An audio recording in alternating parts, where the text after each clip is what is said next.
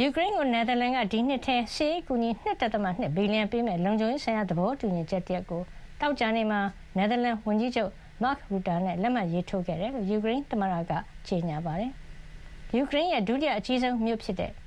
ခါခပ်မှာ ခေါင်းဆောင်တို့တွေ့ဆုံဆွေးနွေးပြီးနောက်မှာ အခုလို ယူကရိန်းသမ္မတက ကြေညာတာပါ။သဘောတူညီချက်ထဲမှာ ဒီနှစ်အတွင်း ယူရိုငွေသား2000ပေးမှာ ဖြစ်တယ်လို့လာမယ့်10နှစ်အတွင်း ကာကွယ်ရေးဆိုင်ရာထောက်ကူတွေ ပေးဖို့ ပါဝင်တယ်လို့ ကြေညာပါတယ်။